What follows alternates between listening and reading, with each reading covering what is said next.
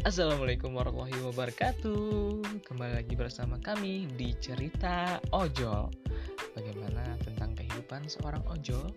Pasti kalian penasaran kan? Maka dari itu dengarkanlah podcast dari kami Cerita Ojol